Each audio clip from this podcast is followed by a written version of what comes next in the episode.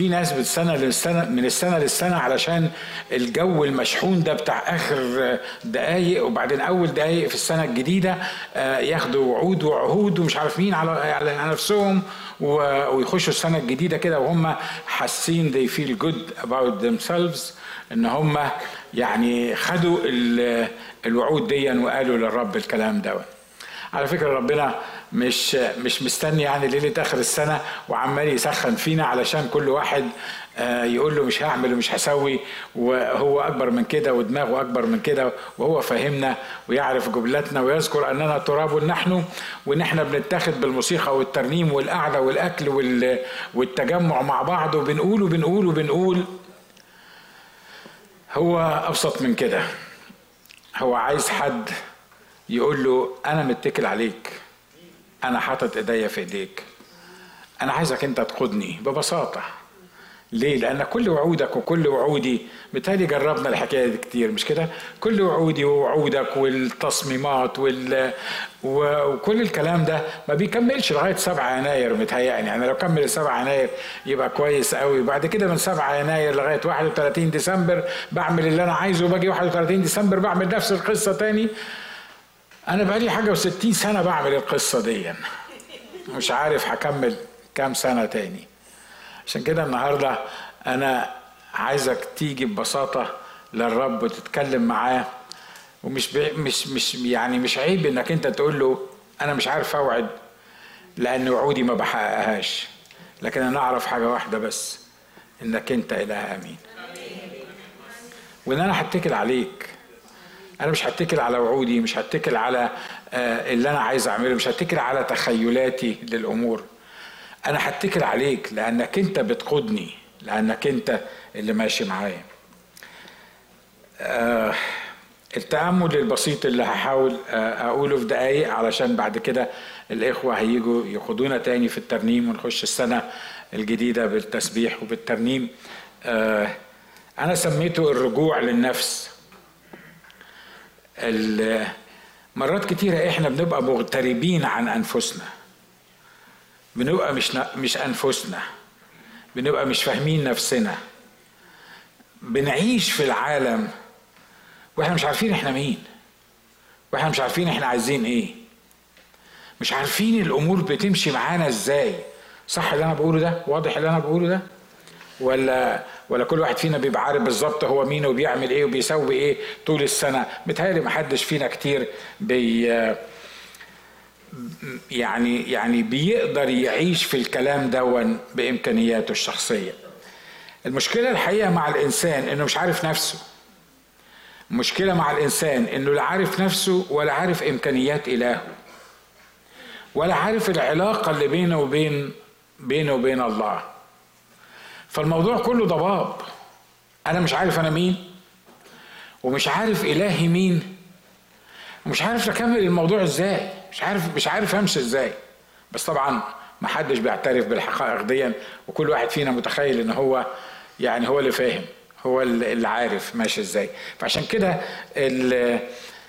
التأمل اللي أنا ربنا عطاهوني إنه الرجوع إلى النفس. وخدت كلمتين اتنين من الابن الضال. وعلى فكرة الابن الضال دايما لو بقول كلمة الابن الضال بتصور في ذهنك بقى الواد الضال الواد المجرم اللي خد من أبوه الفلوس وراح بش بزر آه، ماله بعيش مسرف يبقى أكيد ده الخاطي أكيد ده واحد خاطي مش ممكن يكون واحد مؤمن. على فكرة الابن لما الكتاب قال إن عنده الراجل عنده ابنين بيتكلم عن أبناء.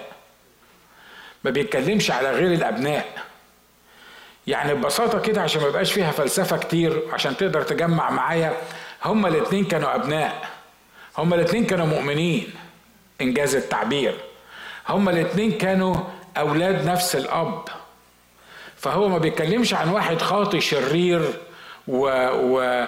وشهواني وعايز يطلع وعايز يعمل وعايز يسوي. والتاني الواد العاقل الكبير الراسي اللي موجود في البيت هو صحيح عمل غلطة في الآخر لكن معلش بس هو ما سابش أبوه. لا لا هو بيتكلم على اتنين. واضح طبعا للناس اللي عارفة واللي درست لاهوت إن هو كان بيتكلم على الاتنين على اليهود والأمم. دي قصة تانية مالكش دعوة بيها لكن أنا بتكلم عن عن الصورة اللي الرب يسوع صورها لينا. والمفتاح بتاع حل اللغز بتاع المثل اللي سميناه الابن الضال وبعد الخدام سموه الابن الأكبر وات التسمية اللي اتقالت اللغز بتاع الموضوع كله ورجع إلى نفسه. رجع إلى نفسه. ده معناه إن هو كان متغرب عن نفسه. معناه إن دي ما كانتش طبيعة الواد ده. معناه إن دي ما كانتش الحياة اللي كانت منتظرة إنها إنه يعيشها. معناها الواد ده المؤمن في حاجة غلط. في حاجة حصلت معاه غلط خليته اتصرف بالطريقة دي. بس بقي ولد ولا ما بقاش ولد؟ يعني بقي ابن ولا ما بقاش ابن؟ متهيألي بقي ابن مش كده ولا إيه؟ بكل معنى الكلمة. ليه؟ لأن الله لما عطى المثل قال إن الأب لما الابن إذ كان لم يزل بعيدا رآه مين؟ رآه أبوه. مش كده؟ وتحنن عليه وركض على عنقه وقبله. مشكلة الإنسان الأولى هي الاغتراب عن طبيعة نفسه اللي خلق الله عليه. وبليف إت طبيعة الإنسان اللي خلقه الله عليها هي طبيعة الله. كم واحد مجمع معايا؟ مش كده أنا عارف إن إحنا في اخر في آخر آخر الليل. لكن الطبيعة الإلهية اللي خلق عليها الله الإنسان هي طبيعة الله نفسه. لأن الرب قال نعمل الانسان على صورتنا كشبهنا. يعني على صورة الله يقول لك وعلى على صورة الله خلقهما ذكرا وأنثى. كون إن بعد كده الصورة دي بشكل أو بآخر العدو قدر يعني يعمل فيها مشاكل لكن فكر الله عمل الله في الإنسان هدف الله من خليقة الإنسان إنه يعمل الإنسان على طبيعة الله نفسه في البر وقداسة الحق زي ما بيقول الكتاب. الكتاب هنا آه، في رسالة بطرس الثانية واحد أربعة بيقول الذين بهما قد وهب لنا المواعيد العظمى والثمينة لكي تصيروا بها شركاء الطبيعة الإلهية. يعني هو خلقنا على الطبيعة الإلهية على صورتنا كشبهنا زي ما قال. اللي حصل في قصة السقوط إنه ابتدينا يعني في حاجة حصلت خلتنا مش عايشين وبنتصرف وماشيين حسب الطبيعة الإلهية. فكان عمل المسيح لما جه مرة تاني مش عشان مجرد يخلصنا مش عشان مجرد يعني يشفينا ولا غيره علشان يرجعنا تاني على طبيعة الله. علشان يخلي طبيعة الله دي اللي إحنا بنتكلم فيها مرة تاني ترجع لينا بحيث إن إحنا نتصرف بطريقة أو بطبيعة الله ونعيش بطبيعة الله. وده الإله الوحيد اله المسيحية اللي يقدر يعمل كده. زي ما سمعنا من أخونا العزيز إنه باقي الأديان آه الله في حتة وإنت في حتة. هو بيدي لك أوامر وإنت لازم تنفذ لكن إنت مش مخلوق على طبيعته. وقال الله نعمل الإنسان على صورتنا كشبهنا. فخلق الله الإنسان على صورته. وقال كده إنه أنا هخلق الإنسان مش عشان العالم يتسلط عليه مش عشان العالم يمشيه زي ما هو عايز لكن فيتسلطون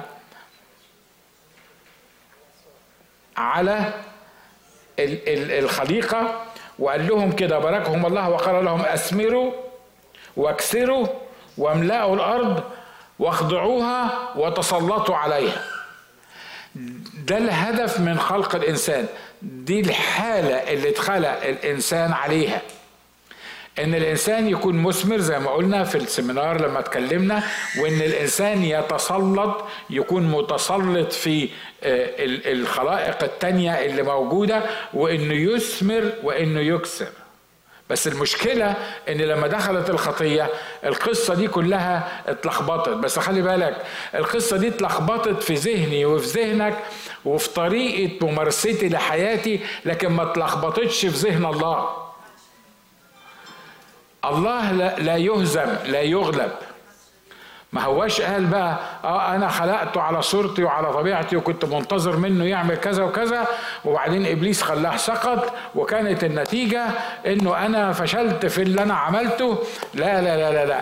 ليه؟ لأنه الله حتى وإحنا بعد الطبيعة اللي خدناها أو بعد ال ال الانحراف عن الطبيعة الإلهية اللي هو عطاها لنا الإنسان مصمم على إنه يشتغل بطبيعة الله ففي أي وقت بيرجع للمسيح يسوع بيرجع تاني يستخدم الإمكانيات اللي موجودة جواه والبلت ان آه، أمور اللي كنا بنتكلم عنها قبل كده اللي خلقوا الله عليها. علشان كده الموضوع بتاع الخلاص ومعرفة المسيح مخلص شخص لحياتك مش إنك تنجو من عذاب القبر والنار إنك ترجع مرة تاني على طبيعة الله.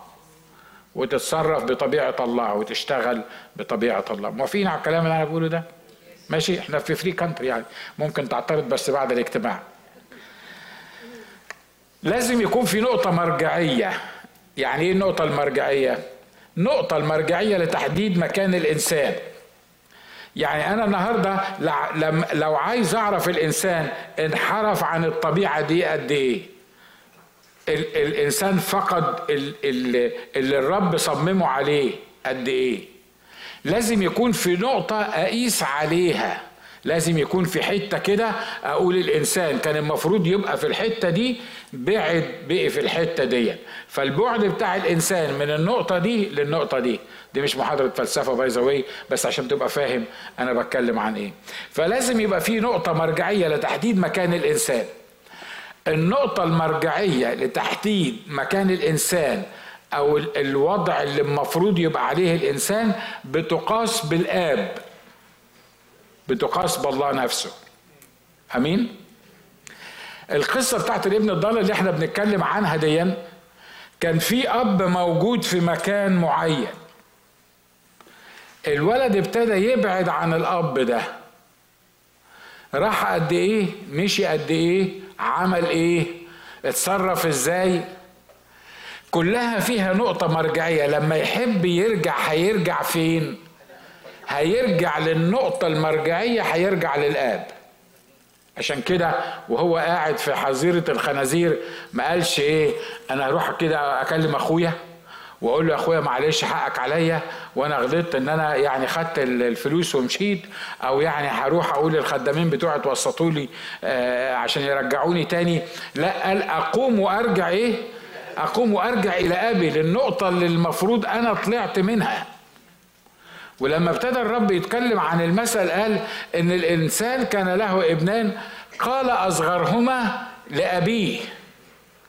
وابتدى يبعد عن النقطة بتاعة أبيه النقطة المرجعية دي بتاعة أبيه عشان كده لما بعد وبعدين رجع لأبيه أي حد حوالين الأب تاني ما كانش فارق معاه ليه؟ لأن الموضوع أصلا متعلق بمين؟ موضوع بالأب واضح اللي أنا عايز أقوله؟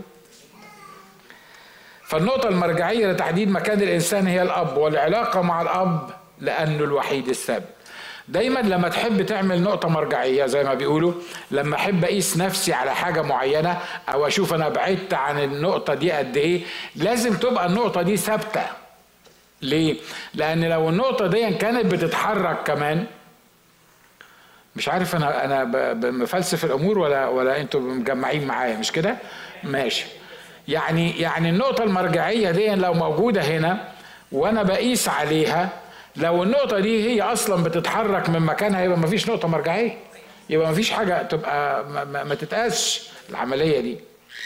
لكن لكن لازم تبقى النقطة دي ثابتة علشان أقدر أقيس أنا بعدت عنها قد إيه أو راجع لها قد إيه.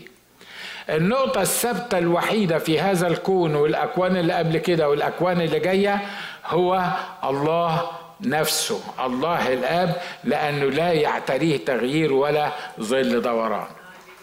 فعلشان كده أنا لو عايز أعرف أنا بعدت قد إيه وإزاي أرجع يبقى عندي النقطة بتاعت الآب دي اللي هي أنا بعدت عنها وهرجع لنفس النقطة نفسها. السؤال الأول في الكتاب المقدس كم من كلمتين. أول سؤال ورد في الكتاب المقدس. بيقول إيه؟ أين أنت؟ السؤال أين أنت؟ الله ماشي في الجنة بيسأل آدم وبيقول له أين أنت؟ أين أنت من إيه؟ أين أنت من فين؟ أين أنت من مين؟ من النقطة المرجعية. مش كده؟ أنت فين مني أنا؟ الله بيسأل الإنسان انت فين؟ مني أنا. وال وال والكلام زي ما زي ما مكتوب على الشاشة انه ما كانش بيتكلم عن مكان الوجود أو حالة الوجود. يعني انت فين انت حالتك إيه؟ يعني انت انت فين دلوقتي؟ لا الموضوع مش كده. الموضوع هو انت فين مني أنا؟ انت بعيد عني قد إيه؟ انت إيه انفصلت عني أنا ولا لا؟ عن النقطة المرجعية اللي إحنا بنتكلم عنها دي. الكلام ده ليه أهمية في في نهاية السنة يعني؟ يعني في في ليلة راس السنة ليه أهمية الموضوع ده؟ أصل عارفين يا إخوة أخوات ياما سنين عدت. مش كده؟ وإحنا مش واخدين بالنا أصلا إحنا فين بالظبط من من من الله الآب من النقطة المرجعية بتاعتنا اللي المفروض إن إحنا بنقيس نفسنا على إن يعني أنا بعدت قد إيه أو قربت قد إيه أو عايش صح ولا لأ أو أي حاجة بتحصل في حياتي لازم تقاس على هذا الإله. السؤال الأولاني في الكتاب المقدس الرب قال لآدم آدم أين أنت؟ ممكن في منتهى البساطة آدم يكون على بعد بيني وبين راجي ممكن يكون كده مستخبي ورا شجرة. آدم ما فهمش السؤال. آدم لما طلع من ورا الشجرة إن كان يعني مستخبي كتاب ما قالش إنه استخبى ورا شجرة يعني بس هو كتاب قال له آدم رد عليه قال له إيه؟ سمعت صوتك في الجنة فخشيت لأني عريان فاختبأت اختبأت فين؟ يعني أنا. يعني بتخيل إن هو مثلا ورا شجرة ولا ورا بوش كده ولا حاجة استخبى لأن هو عريان. يعني كان بينه وبين الله قد إيه؟ ممكن يكون كان بينه وبين الله مترين ممكن يكون بينه وبين الله عشر أمتار مثلا بدليل إن هو بيتكلموا بي... بيتكلموا مع بعض. وكأن الله عايز يقول له مش مهم الشجرة اللي أنت مستخبي وراها أنا مش بسألك أنت بعيد قد إيه؟ لأن أنا ليا عينين هتشوفك. لو أنت استخبيت ورا شجرة لو أنت نزلت لأسافل الأرض لو أنت طلعت لاقاصي السماوات الموضوع مش المسافة الزمنية أو المسافة الفيزيكال اللي بيني وبينك. الموضوع أنت بعدت عن خليقتي ليك أو اللي حطيته فيك أو اللي المفروض إنك أنت تعيش بيه أنت بعدت قد إيه؟ لو آدم فكر بالطريقة دي اللي إحنا بنتكلم فيها كان قال له أوه ده أنا بعيد بعيد بعيد بعيد. ليه؟ لأن أنت خلقتني علشان لذتك في بني آدم وعلشان أعيش معاك وعشان يكون في شركة بيني وبينك. بس أنا دلوقتي اتقطعت الشركة دي وأنا بيني وبينك مسافات كبيرة. مش عارف أرجعها إزاي. واضح اللي أنا عايز أقوله. والسؤال النهارده قبل ما تخش السنة الجديدة انت فين؟ تقول لي ما أنا هو في الكنيسة اهو. ما أنا قدامك ما انت شايفني.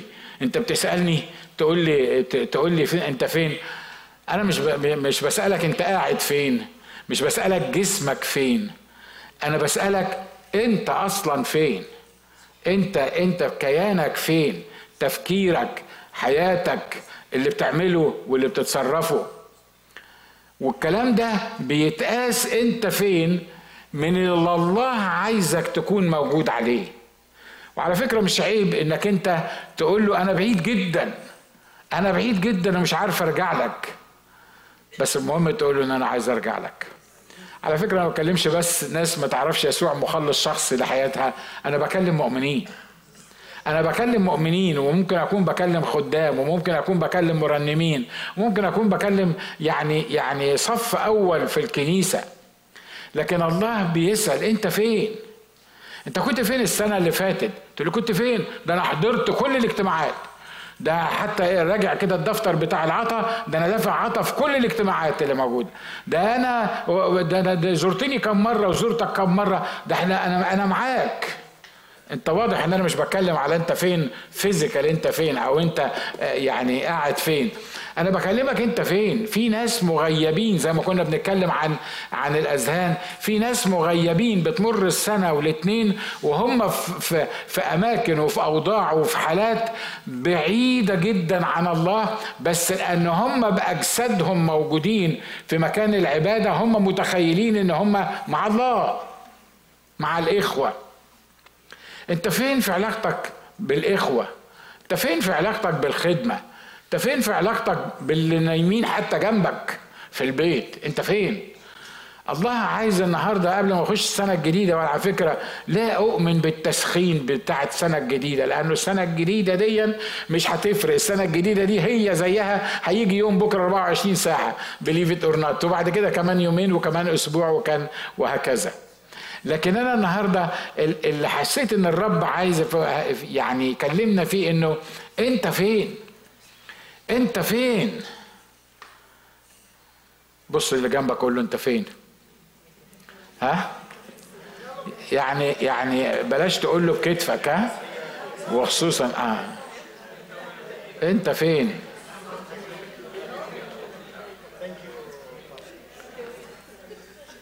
في ثلاث أمور بسرعة آه بيحددوا أنت فين من الآب.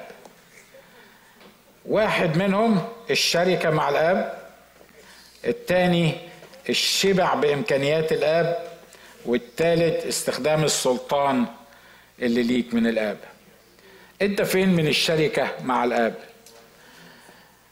الكتاب بيقول هنا وبعد أيام ليست بكثيرة جمع الابن الأصغر كل شيء وسافر إلى كورة إيه؟ بعيدة. وهناك بذر ماله بعيش مسرف. على فكرة بعدك بعدك الجغرافي من حد معين مش هو اللي بيحدد انت قريب منه قد إيه. مش كده ولا إيه؟ ممكن أكون ساكن جنب هاني مثلا من البيت اللي جنبيه بيني وبينه مترين. ويكون واحد في جنوب أفريقيا أقرب مني أو أقرب لهاني مني. ليه؟ لأن الموضوع مش مش بالمسافة اللي إحنا ساكنين فيها. لكن ال ال ال ال الشركة مع الآب هي اللي بتحدد أنا فين من الآب. وطبعا مفيش وقت إن إحنا نتكلم عن كل حاجة بالتفصيل ده أنا بدي لك بس السكيلتون بتاع الموضوع. الشركة مع الله هل هل في فعلا شركة بينك وبين الله؟ وفي شركة بينك وبين إخواتك ولا لأ؟ تقول لي يعني لأ بص شركة مع الله في شركة بيني وبين الله. أنا بقرأ الكتاب كل يوم وبصلي وباجي الكنيسة بس اوعى تقول لي شركة مع إخواتك ديا ليه؟ لأن بصراحة إخواتي دول يجيبوا السرطان ف... فأنا أنا ما عنديش استعداد أعمل شركة مع على فكرة ما كانش ليك شركة مع اخواتك ده بيدل على انك ما عندكش شركة مع الله. مش أنا اللي بقول كده الكتاب بيقول كده. ليه؟ إن ما كنتش بتحب أخوك الذي تراه إن ما كانش في بينك وبين أخوك اللي أنت شايفه شركة مش هيبقى في بينك وبين الله شركة الذي لا تراه. مش كده ولا إيه؟ مش أنا اللي قلت الكلام ده ده الكتاب اللي قال الكلام ده. فأنت فين في الشركة مع مع الآب؟ اللي, عنده أولاد أو الأب الولد اللي عنده أب وكانوا في يوم من الأيام قريبين من بعض وعايشين مع بعض يعرف يفهم الكلام اللي إحنا بنقوله ده. ممكن نكون أنا وتيمي مثلا مختلفين على نقطة معينة أو أنا أو تيمي مش عاجبه أنا قلت له حاجة معينة. لكن لأن تيمي في محيطي اللي أنا موجود فيه لأن هو آه، قريب مني وجدانيا فهو في المحيط بتاعي أنا كأب فحتى الخلافات اللي بيني وبينه أو حتى الحاجة اللي أنا مش مش فاهمه فيها أو هو مش فاهمني فيها حتى الحاجات دي لما كل ما قربت قربنا من بعض كل ما هذه الأمور دابت. مش كده ولا إيه؟ ليه؟ لأن في علاقة بيننا وبين بعض. فأنت فين أنت من الشركة مع الآب؟ الحاجة الثانية الرسول هنا بيقول الذي رأيناه وسمعناه نخبركم به لكي يكون لكم أيضا شركة معنا. شركة بعضنا مع بعض إحنا كمؤمنين. وبعدين بيقولوا أما شركتنا نحن فهي مع الآب ومع ابنه يسوع المسيح. زي ما قلت لكم إن في شركة مع الله وشركة مع المؤمنين. ولو ما فيش شركة صح مع الله ما فيش شركة صح مع المؤمنين. ولو ما فيش شركة صح مع المؤمنين يبقى ما فيش شركة مع الله. مش كده؟ صح. ليه؟ على فكرة لما تتملي بالله زي ما سمعنا لما تتملي بالله لما تتملي بمحبة يبقى مش فارق معاك اللي قدامك بيتصرف إزاي. يبقى مش فارق معاك اللي قدامك فاهمك ولا مش فاهمك. لأن الموضوع غير متعلق باللي قدامك. الموضوع متعلق بالمحبة اللي جواك بالشركة اللي جواك مع الله. فالشيء الطبيعي هو البني آدمين بيتحبوا يا اخوانا في حد يتحب يعني؟ آه، في يمكن خمسة ستة دمهم خفيف ونقعد سوا ونتونس ونعصرونية والكلام اللي أنتوا بتعملوه ده ونقعد. بس بعد كده هتاخد بعضك وتمشي تروح بيتكم ولا انت عارف ولا هو عارفك. مش كده ولا إيه؟ الناس ما بتتحبش. الناس ما بتتحبش واللي بيتحب النهارده انت ما تقدرش تستأمنه بكرة. ليه؟ لأن هو ده الطبيعة الإنسانية. لكن خلي بالك إن الشركة مع الآب زي ما سمعنا غير متوقفة عليا لا على خفة دمي وعلى اللي أنا بعمله ولا على اللي أنا بسويه. لكن متوقفة على أمانة الإله اللي خلقني وهو اللي حط فيا الإمكانيات بتاعة المحبة بتاعته. الحاجة التانية أنت فين من الشبع بإمكانيات الآب؟ في مؤمنين فقريين. مؤمن فقري عارف المؤمن الفقري؟ لا ده جد مش مش في مؤمنين عايشين مش عارفين الإمكانيات اللي ليهم في الله والشبع اللي ممكن ياخدوه من الله. وعلى فكرة مش بس مؤمنين ممكن يكونوا خدام. وممكن يكونوا مرنمين وممكن يكونوا أي بيعملوا أي خدمة من الخدمات. بس ال ال الإمكانيات اللي ليهم في الله لأن هم مش عارفينها فبيطلبوا الإمكانيات دي أو القبول ده أو القرب ده من الناس وهم مش واخدين بالهم إن ليهم كل اللي هم محتاجينه في الله في إمكانيات الله. الحاجة الثالثه عشان الوقت ما سرقناش انت فين من استخدام السلطان الممنوح ليك من الله؟ كتاب بيقول ودعا تلاميذه الاثنى عشر وأعطاهم قوة وسلطان على جميع الشياطين وشفاء الأمراض. الله لما لما لما لما حط فينا روحه ولما قرر يستخدمنا أعطانا سلطان. مش كده برضو؟ بيقول دفع علي كل سلطان وأعطاهم سلطان أن يدوسوا الحيات والعقارب وكل قوات العدو. أمال إحنا كمؤمنين عايشين أيامنا كده والسنة بتمر وإحنا عالم خايبة؟ ما إحنا لا حاسين إن إحنا لينا حد خايب زي كده هنا؟ نشكر الله يمكن في عشرة خايبين أهم. مش مش مش قليلين يعني. إحنا مش واخدين بالنا من السلطان اللي لينا في الله ومن السلطان اللي لينا في المسيح. عشان كده إحنا إحنا عايشين. إحنا مش عايشين بصراحة. أنا بكلمكم ببساطة يعني. إحنا إحنا بدل ما يبقى عندنا نمارس هذا السلطان اللي ندوس به الحياة والعقارب بنعيش طول السنة مدسين من الحياة والعقارب.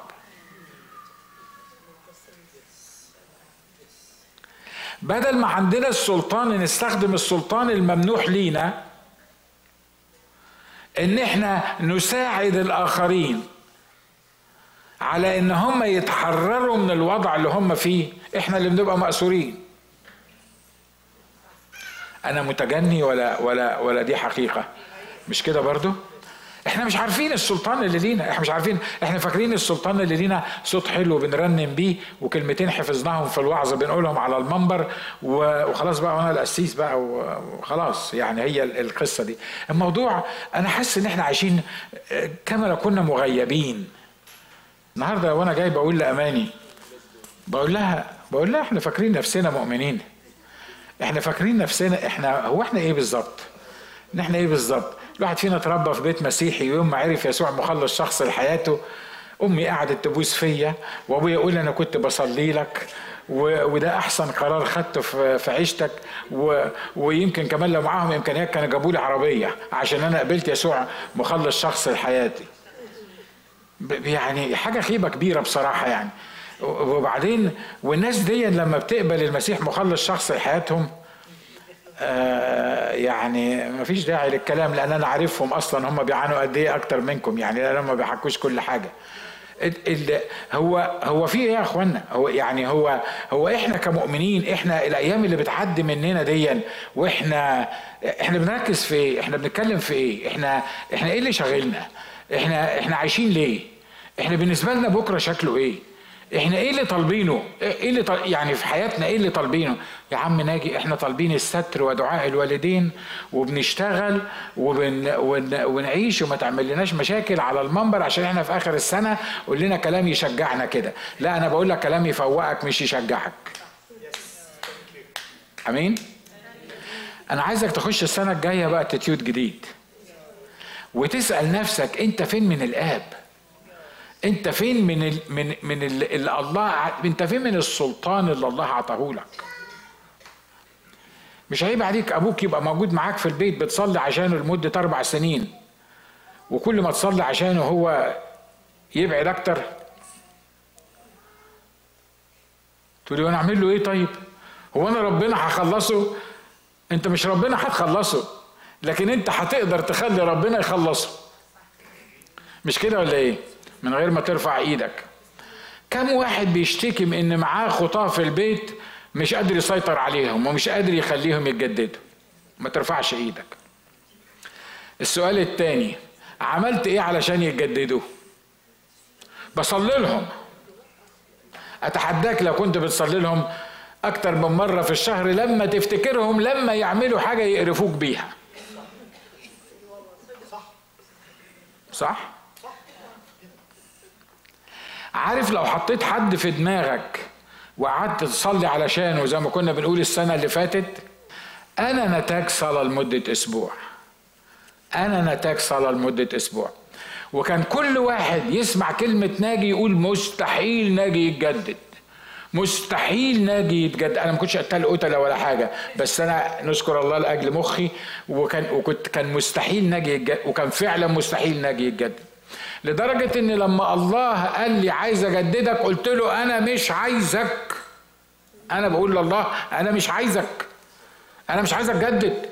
أنت هتجددني بالعافية. أنت مش بتحترم إرادة الناس. يا سيدي أنا مش عايزك. حد فيكم عمل زي كده؟ ها؟ يا إخوة اخوات إحنا لازم نخش السنة الجديدة بأتيتيود جديد. أمين؟ برضه ده مش شحن ومش مش عايزك يعني دلوقتي لما نطفي النور ما أعرفش هنطفيه ولا لأ بس anyway يعني يعني مش عايزك انت إيه تنفعل كده وتحس انك انت يعني آه لازم تعمل حاجة. أنا عايزك كده قول له يا رب أنا مش عارف اعمل حاجة ومش عايز اوعدك لكن أنا عايزك تغيرني. أنا عايزك تعمل في حياتي حاجة جديدة. أنا عايز النقطة المرجعية بتاعتك دي إن كل يوم في السنة الجاية يكون بيقربني من النقطة دي. أنا عايز يا رب تكون أنت علاقتي بيك كالله الآب هي دي النقطة اللي أنا عايز السنة اللي جاية أشتغل على نفسي بحيث إن أنا أقرب منها. وأوعدك إنك كل ما تقرب من النقطة دي هتقرب من إخواتك وهتقرب من نفسك وهتكتشف نفسك وهتكتشف الإمكانيات اللي الله حطها فيك. وهتبتدي تستخدم هذه الإمكانيات اللي الله حطها فيك عشان تصنع أمر جديد السنة اللي جاية. آمين؟ أنا مش هكمل بقى الخدمة. أنا عارف إن الناس دايما بيسألوني هو ربنا قال لك السنة اللي جاية هتبقى سنة إيه؟ متهيألي المرة اللي فاتت قلنا سنة البركات والتغييرات. متهيألي أكتر سنة حصل فيها تغييرات في حياتنا كانت السنة اللي فاتت. حد موافق على اللي أنا بقوله ده؟ مش كده؟ حتى في الكنيسة حصل فيها تغييرات. حقيقي كانت سنة تغييرات حقيقية. من حتى بالنسبة لنا إحنا آه، كأسرة وككنيسة حصلت تغييرات جديد في حياتنا. عايز أقول لك أنا حاسس جوايا أنا مش بقول وحي وأنا مش بقول هكذا قال الرب لكن أنا حاسس جوايا إن السنة الجاية دي سنة اسمها سنة اليوبيل. وسنة اليوبيل يعني هاخد دقيقة واحدة بس أكلمك عليها عشان أنا قلت أنا عارف إن في ناس مش هتتابعنا بعد كده. سنه اليوبيل شفتوا أنا لما قلت سنه اليوبيل كل الناس قالوا مجدا هللويا آمين. ليه؟ لأن سنه اليوبيل في أذهاننا هي السنة آه، سنة الراحة سنة الفرح سنة لكن خلي بالك سنة اليوبيل دي فيها اللي أنت مستعبده بتطلقه حر. سنة اليوبيل فيها معاناة للمؤمنين. سنة اليوبيل اللي إحنا بنتكلم عنها هي سنة بركة. الله عايز يباركنا الله عايز يريحنا. الله عايز يخلي الأرض بتاعتنا تثمر قد سنتين مش سنة واحدة. لكن خلي بالك إن في قوانين لسنة اليوبيل لازم أنت تلتزم بيها علشان عشان الله في السنة اللي جاية يقدر يخلي سنة اليوبيل هي سنة اليوبيل اللي في دماغك اللي هي سنة الراحة. الكتاب بيقول إن اللي استعبد عبد عبراني واشترى العبد العبراني ده وكان العبد بتاعه في سنة اليوبيل يطلق العبد ده حر. ما يقدرش يمسكه مع إنه مشتريه بفلوسه. ما يقدرش يمسكه. وأنا بصلي إن السنة اللي جاية زي ما قلت تبقى سنة سماح وغفران. زي ما إحنا زي ما اتكلمنا قبل كده سنة سماح وغفران. اليوبيل معناه إنك تسامح كل اللي, اللي, اللي مديونين ليك. اليوبيل معناه إنك تطلق أخواتك. اليوبيل معناه إنك تستريح في الرب. دي كده مقدمة سريعة للحاجات اللي هندرس فيها من الأسبوع الجاي بنعمة الله. وبنعمة الرب تكون سنة اليوبيل سنة تحرير حقيقي وسنة إطلاق حقيقي وسنة بركة حقيقية على كل الناس اللي بيسمعوني. أمين؟ تعالوا نقف نصلي مع بعض. وأقول يا رب أنا بشكرك لأجل السنة اللي مضت بكل ما فيها بكل آه اللي أنا كنت شايفه فيها وحش أو حلو. قول يا رب أنا باجي لك في الدقايق دي وبكل بساطة يا رب أنا بحط نفسي بين إيديك. وبكل بساطة يا رب أنا مش عايز أقعد أوعد ومش عايز أقعد أقول هعمل وهسوي. لكن يا رب أنا النهاردة بصلي إنه إن كل يوم يقربني منك أكتر. ان أرجع للنقطة المرجعية اللي أنت عملتني عشانها. للآب. أشكرك لأن مهما كان بعدي عنك مهما كانت النقطة اللي أنا موجود فيها بعيده عنك لكن اللي أنا عارفه واللي أنت قلته إنك واقف مستنيني. وإنك واقف بتتطلع لرجوعي. وحتى لو ما كنتش يا رب برجع من من شر أو خطية لكن أنا برجع عن عن عن كل ما في حياتي اللي مش متطابق مع اللي أنت حطيته لحياتي.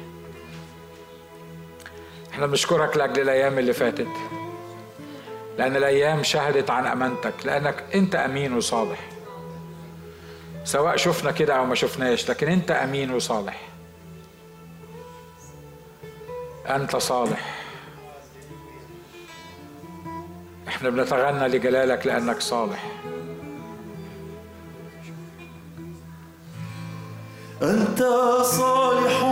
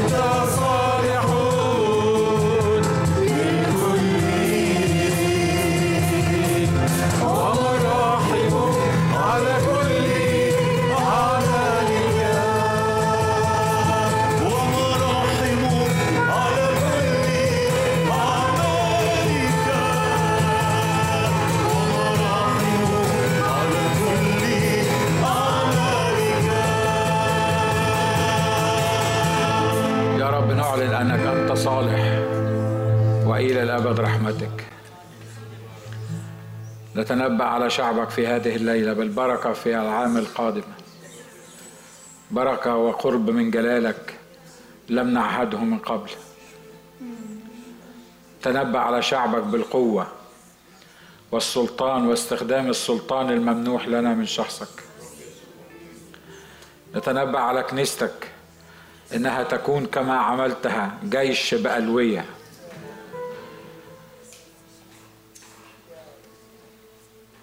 سلطانك في وسطنا. عملك فينا. إعلان مجدك في هذا المكان. إعلان مجدك في هذه المدينة. إعلان مجدك. إعلان أنك أنت الله وحدك ولا سواك. نتنبأ بالبركة على شعبك. البركة اللي فيك أنت. البركة اللي منك. البركة اللي حسب قصدك. نشكرك لأجل وجودك في وسطنا نشكرك لأجل العام الماضي اللي قدتنا فيه وخدتنا من مجد المجد ومن قوة إلى قوة. ونعلم أن العام القادم سيكون بركة حقيقية من شخصك لأنك إله صالح وإلى الأبد رحمتك. ليك المجد والكرامه في وسطنا. ليك العظمة والسلطان في وسطنا سيد كل الأرض. مبارك اسم جلالك إلى الأبد.